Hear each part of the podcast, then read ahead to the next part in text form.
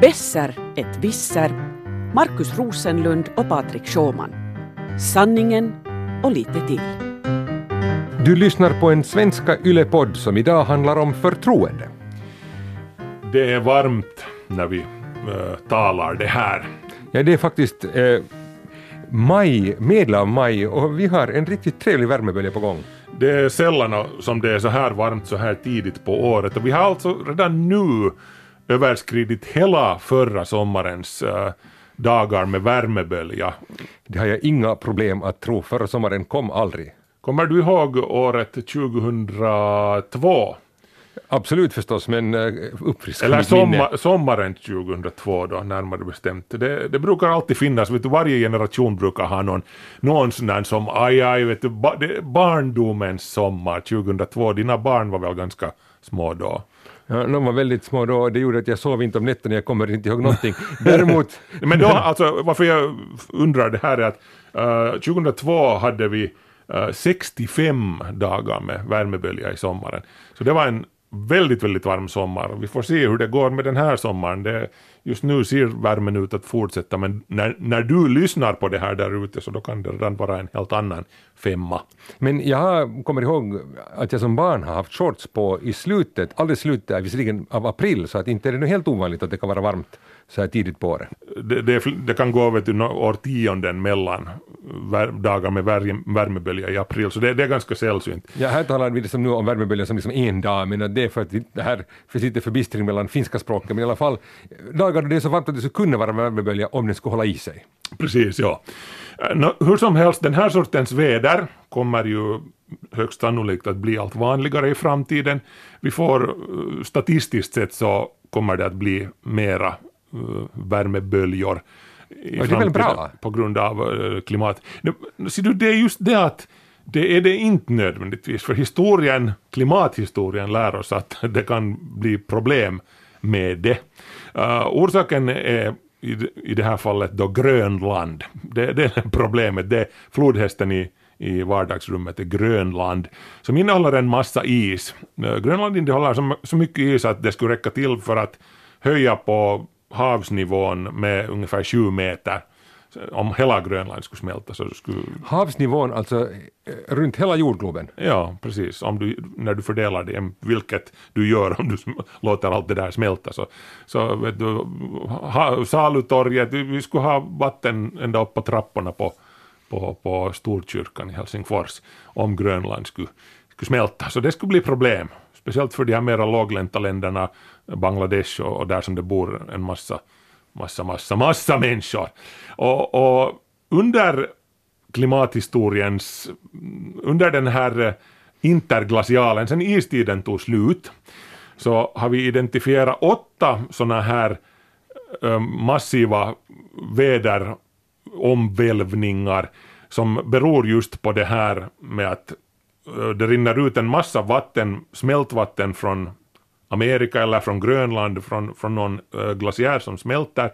Eh, precis som vi håller på just nu att skapa en, en motsvarande grej. Och när det här vattnet rinner ut i Atlanten så krockar det alltså med Golfströmmen som hämtar värme hit upp. Det här har man ju varit väldigt orolig för. Eh, Men har vi historiska då bevis på att det faktiskt kan vara ett problem?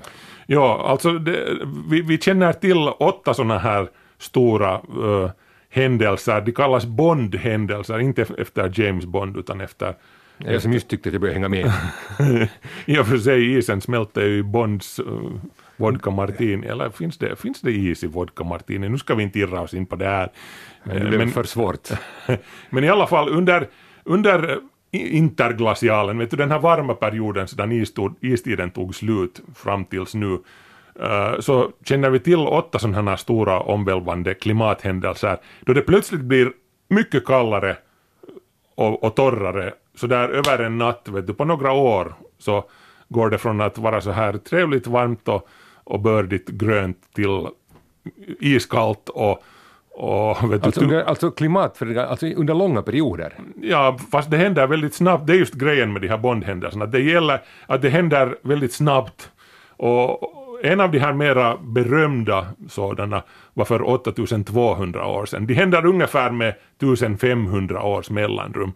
För 8200 år sedan, vad som då hände var att en stor sjö i norra Amerika eh, bräste sina defördämningar, is, det, vet du, det var alltså smältvatten, det var en isdamm som innehöll uh, mera vatten än Kaspiska havet gör idag. Som allt det här rann ut i Atlanten på en och samma gång och krockade med Golfströmmen och då blev det kallare och torrare. Och, och, och det där, vad som hände då var att de här bördiga områdena i, vet du, bördiga halvmånen där nere i Mesopotamien, Tigris och Eufrat, där, där som en, vår kulturs vagga låg. Så, så där blev det väldigt, väldigt torrt och folk började se sig om och titta på varandra. Vad ska vi nu göra då när, när våra åkrar torkar bort och, och vi inte har någonting att äta? Så vad de gjorde då var alltså att de uppfann konstbevattningen. Det här, det här är alltså vad man tror att inledde det moderna jordbruket. Så det här var en sån här grej som fick folk att stråla samman och, och tänka, vet du, slå sina kloka huvuden ihop och, och, och skapa någonting som främjar allas väl, så att säga. Men här uppe i norr så var det ju inte så bra. No, här uppe i norr, nej, det blev, det blev ju kallare här också, men det var nog mest bara nomader och jägare som dallade omkring här ännu på den tiden. Ja, men nu är man alltså rädd att samma ska hända med Grönland och nu bor vi här. Precis, ja, men just så här är det ju. Vi kan ta ännu ett exempel för att illustrera det här. För uh, nästa händelse då, 5900 år sedan, då torkade Sahara ut plötsligt, när, när, när det plötsligt blev kallare och torrare. Sahara hade varit en bördig grön oas, en enda stor jäkla oas alltså. Där fanns stora sjöar och och floder och med fiskar i och, och det levde nomadfolk där. Och plötsligt bara torkar hela Sahara ut. Vet du, det är som en halva Afrika försvinner från kartan med en gång över på några tiotals år så blir det öken av det hela. Vad händer med de här nomaderna som bor där? Jo, de flyttar in till Nilen, den enda återstående vattenkällan i den här trakten. Och där bildar de samhällen, mer och mer komplexa och och, och så börjar de bygga pyramider. Och så har vi plötsligt det gamla riket i Egypten, den första stora civilisationen. Det här var igen ett exempel på hur, hur svåra klimatförhållanden, ett traumatiskt eh, skeende eh, fick folk att kavla upp ärmarna och dra åt samma håll och skapa någonting nytt och, som gagnade alla. Och sen, sen blev det ju bara bättre och bättre därifrån framåt tills nästa händelse som igen var traumatisk och så vidare och så vidare. Men vad är det som orsakar, alltså en sjö, det måste vara en engångshändelse när en sjö så att säga fördämningen brister och allt vatten rinner ut. Alla kan ju inte bero på någon sjö som alltid liksom bräcker sina fördämningar uppe i Nordamerika. Nej, alltså faktum är att flera av de här ursprungliga Bondhändelserna eh, tros ha berott just på att den här en, en och samma sjö, Lake Agassiz som den hette, vet du den bräste fördämningarna men så frös de här fördämningarna till igen och, och sjön fylldes på med vatten på nytt ända tills det igen blev varmare och, och, och fördämningarna brast och så började allting om från början. Så, så den här sjön var troligen bakom de här uh, bondhändelserna flera gånger med några vet du, tusen års mellanrum bara. Men sen har, efter det så har andra saker spelat in och fått Golfströmmen att styras av. Och nu till exempel Grönland som vi håller på att tina upp. Så, så det kunde vara, alltså tidsmässigt skulle det inte vara dags för en ny Bondhändelse ännu. Vi hade en här för inte så jättelänge sedan, alltså den lilla istiden, kommer du ihåg när de Kommer du ihåg? Ja, ja vet, var, vi var som unga, igår. När, när de åkte skridskor på Themsen. Och ja, när, det, det, var roligt. När kung Karl och hans karoliner vandrade över Bält till Danmark. Och, så, så det var en det var under en sån här Bondhändelse. Så det borde inte vara dags riktigt ännu, men vi kan, vi har liksom så att säga rivit upp regelboken, vi har förändrat hela den här dynamiken. Och, alltså med global uppvärmning? Ja, vi, vi skapar en egen Bondhändelse just nu alltså, och, genom att tina upp Grönland, och, vilket då kan få, och det finns redan, alltså, te, alltså Golfströmmen har redan försvagats med någonting stil med 30 procent sen, var det nu 60-talet eller någonting. Så, så den, den kan verkligen ställa till med trubbel om, om det här fortsätter, om den här värmen fortsätter.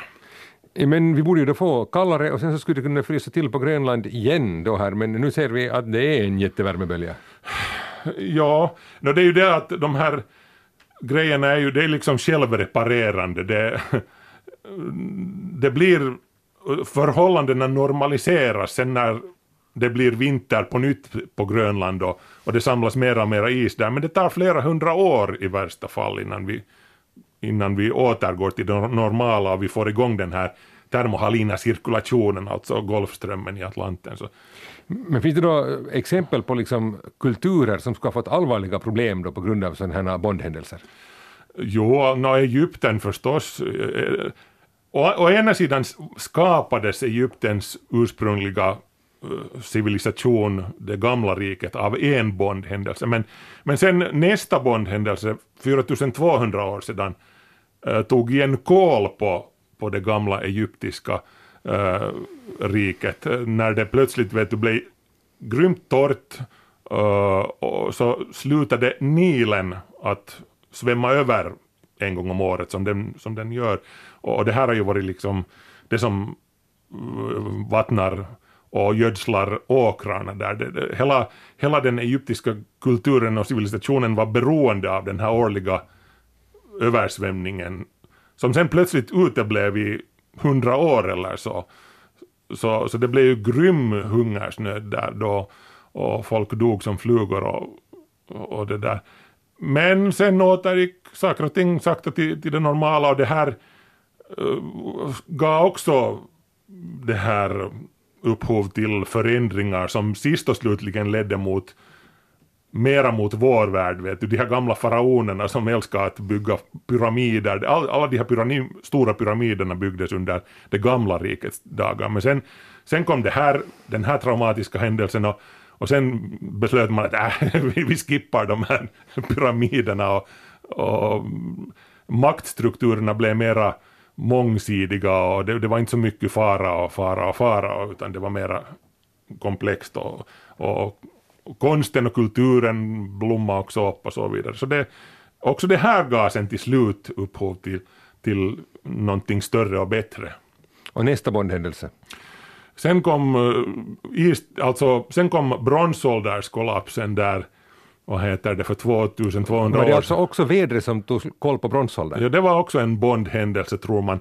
Då blev det också torrare och, och kallare eh, plötsligt och, och, det här fick alla de här gamla bronsålders uh, imperierna och stadsstaterna att falla i, i kaos och hungersnöd och elände och, och de här uh, sjöfolken som härjade där i Medelhavet och så vidare. Det, det var jättetraumatiskt det också. Men, men då hade det igen den följden att uh, när plötsligt de här alla gamla ha handelsrutterna som, där man hade transporterat till exempel koppar och, och andra råvaror som behövdes för att tillverka brons, när de plötsligt brast så började man fundera att jaha, vad ska vi då göra? Uh, vad har vi som ligger och skräpar här i hörnerna? Jaha, järn, vad kan man göra med det? Eh, och så börjar järnåldern. Alltså det är ganska roligt att höra hur de här alla katastroferna har lett till någonting bättre, mm. måste jag säga. Eh, det ger ju lite tro på mänskligheten på det här sättet. No, ja, det, kanske på sätt och vis, ja, men, men det, det, kommer ändå att bli traumatiskt, åtminstone till en början, om det nu skulle vara så att vi har en ny sån här händelse. Men, men jo, jag tror ju nog också som du säger att att, att det finns en styrka i, som vi har i mängden, i, folk, i folkmassan så att säga, som vi, vi kommer nog att kunna ta oss ur också de mest svåra händelser tillsammans på något vis. Det, det finns det exempel på.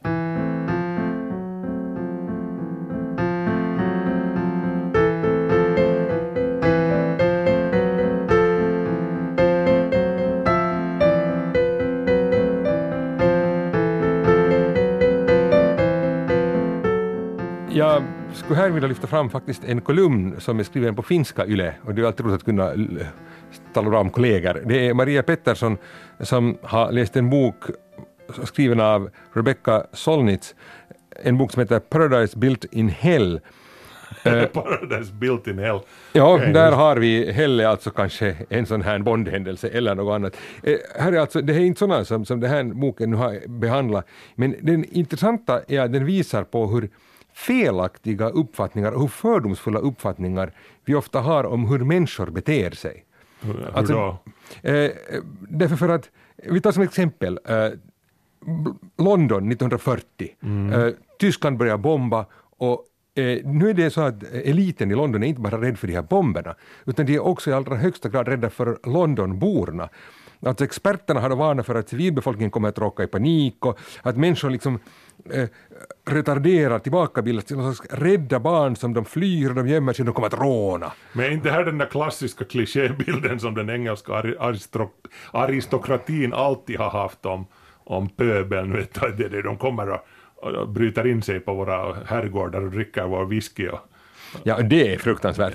Ja, men men eh, och här kan man bara säga att Churchill oroar sig för att panikdrabbade blodtörstiga folkgrupper ska anfalla till och med de egna trupperna. Och då tänker du att nu har du Churchill, han var ju från överklassen och nu har du fått din tes bevisad.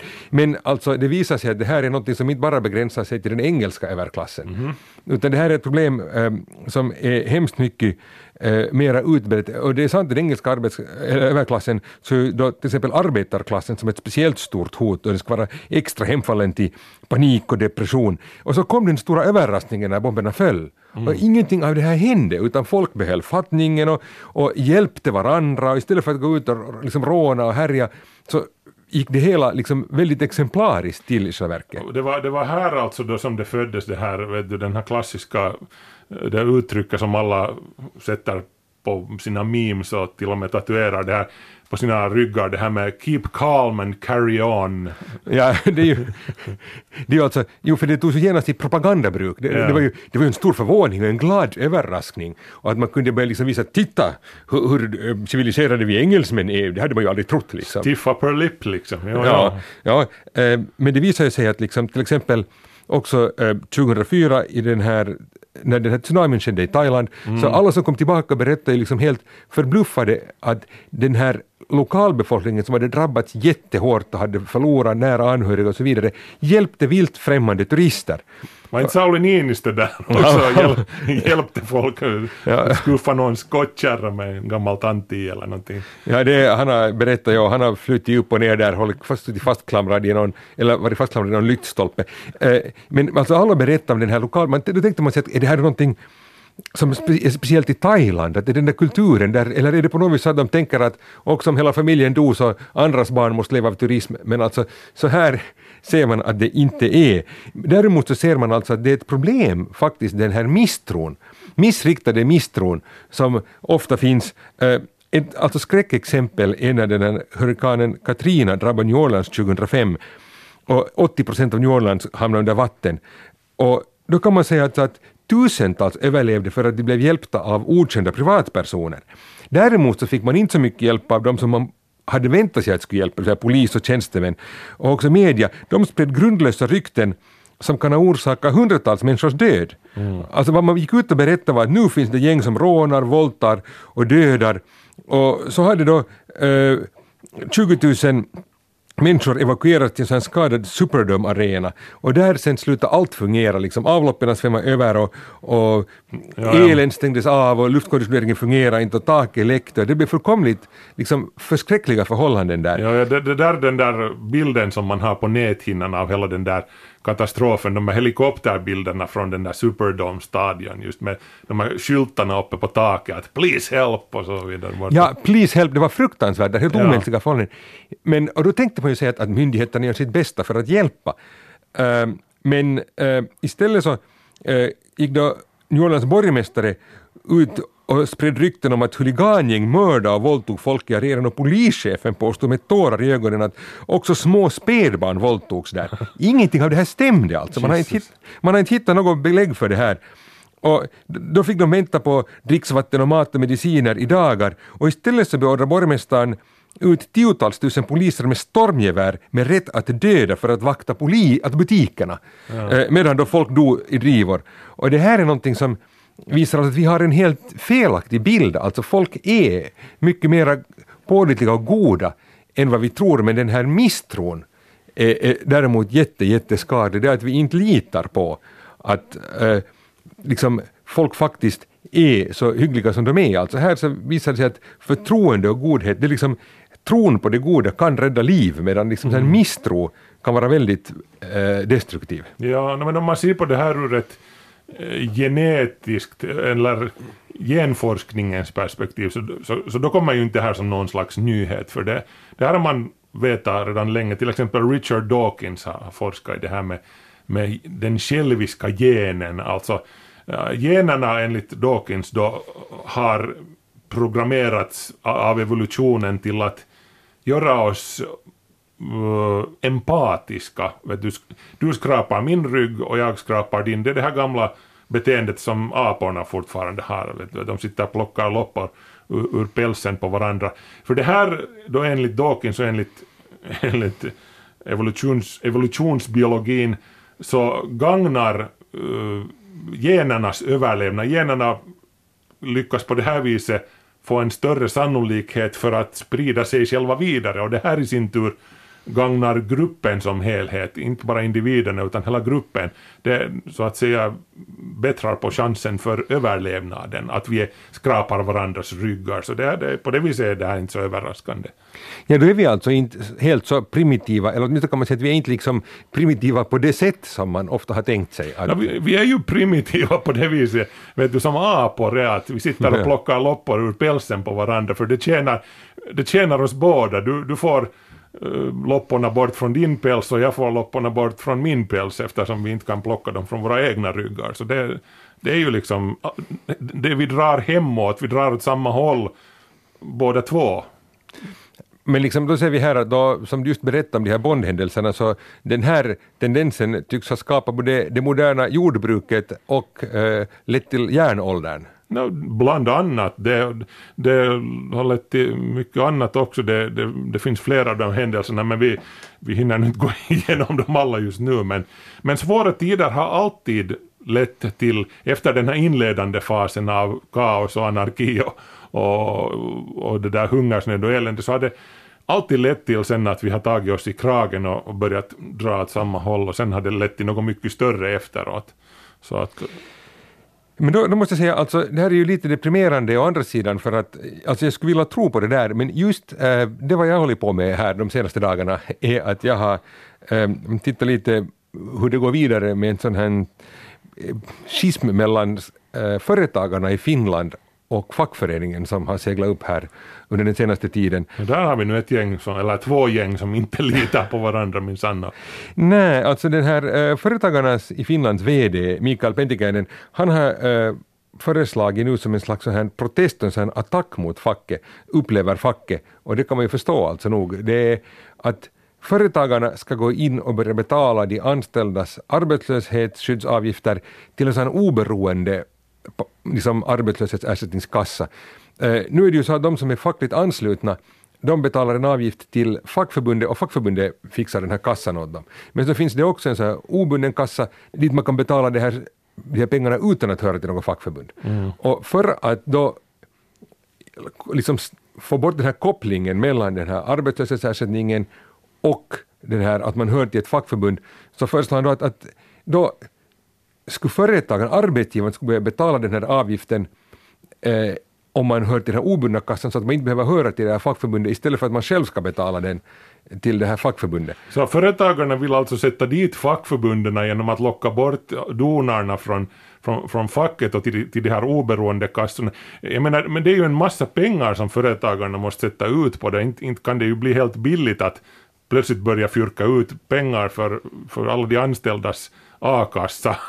Ja, alltså, jo, det är klart att det är mycket pengar. Alltså just per anställd är det inte jättemycket pengar det rör sig om, men det rör sig om väldigt många anställda. Så, ja. så totalt sett är det ju pengar som så att säga eh, företagarna då i princip har, nu har då ungefär en femtedel, en dryg femtedel tydligen av eh, företagen i förväg sagt att de tänker vara med på det här, vi får se hur många som på riktigt sen ansluter sig, men, men att de åtminstone har tyckt att de har råd att betala de här, de här pengarna, men hellre än att ge dem som lön åt sina liksom, goda arbetare som liksom, kämpar så hårt för företagets framtid, så ger de de här pengarna till den här arbetslöshetskassan för att de här anställda inte ska kunna driva sina egna intressen lika effektivt inom en fackförening, om det är det de skulle vilja göra. Det där är ju, fackförbunden är ju också under, alltså har fått kritik för att de till exempel inte då kan beakta folk som jobbar med atypiska arbetsförhållanden. Men i alla fall, den här logiken är där att de, de, företagen tycker att att de, har inte, de vill inte satsa pengarna på de anställda direkt utan de satsar på det här sättet. Eh, nu kan man ju säga att, att eh, här är också en sån sak att alla som jobbar har inga arbetslöshet, de betalar inte alls till en sån kassa. Att det här skulle rädda en femtedel av de som anställda liksom i de här företagen så att de faktiskt skulle få ett sånt här eh, inkomstrelaterat arbetslöshetsskydd överhuvudtaget. Mm. Att det finns också bra i det här förslaget, liksom, också om man inte ser på det, men det är alldeles klart att här finns en sån här udd riktad mot fackföreningarna och det här är ett klart tecken på misstroende. Och här kommer det här tråkiga eh, när vi just talar så vackert om det här människan och mänsklighetens godhet. Altruism och empati. Ja. ja, och så ser vi sådana här nyheter och här är en sån här annan ganska tråkig uh, mekanism i bakgrunden som, som ofta liksom de nationalekonomer som talar om, sysslar med spelteori lyfter ofta fram det här med den här fångens dilemma. Aha.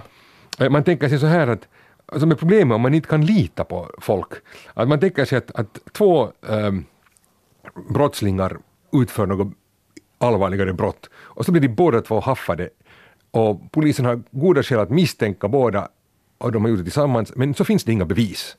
Och så börjar förhören.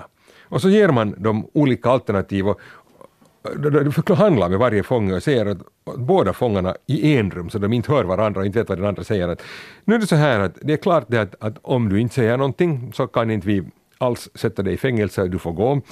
Eh, men om du håller tyst och den andra, din kompis, tjallar, eh, så då kommer du att hamna i fängelse för tio år. Men om ni, om ni båda äh, det där, äh, erkänner så får ni bara två år fängelse båda dera. Uh-huh. För att ni har samarbetat.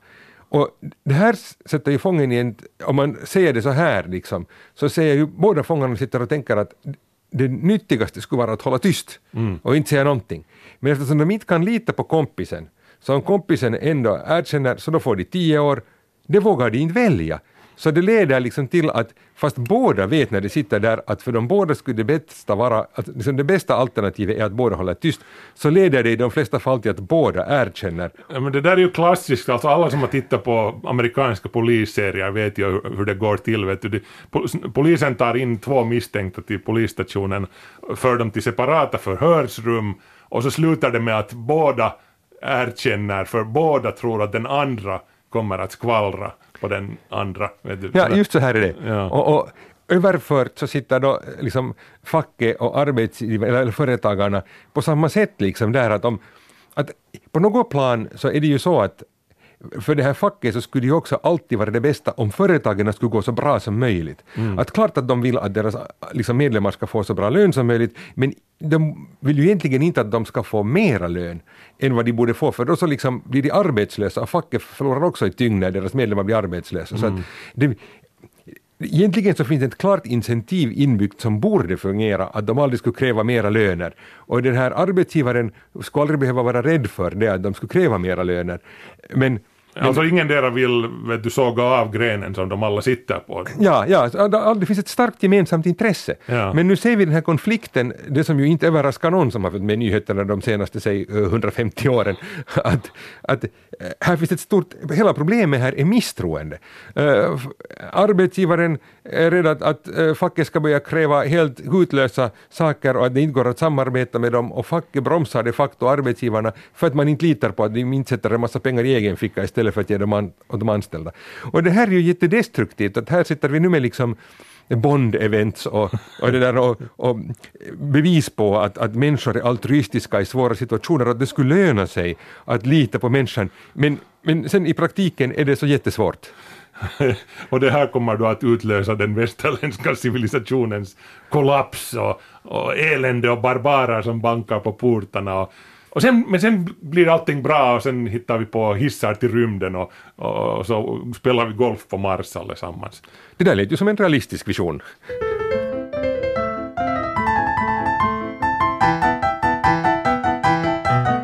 Men hörni Marcus. Ja? äh, en sak, alltså äh, om det är så att då, eh, vi ser att när folk har det dåligt så börjar vi då dra åt samma håll. Hur är det då, är det så att, att när vi blir rika, så det är då som vi liksom blir egoistiska, så där som man ser i elitens fall i New Orleans? Ja, det är en bra fråga. Det har jag faktiskt inte tänkt på. Vi, vi måste kanske utveckla den där, det där resonemanget vidare i ett, i ett, för, i ett kommande avsnitt. Det är en bra idé. Vi återkommer till det i någon podd av Besser och Visser i en poddsändning nära dig. Ja, vi som har pratat idag är Patrik eh, Visser Sjåman Och Marcus Besser Rosenlund.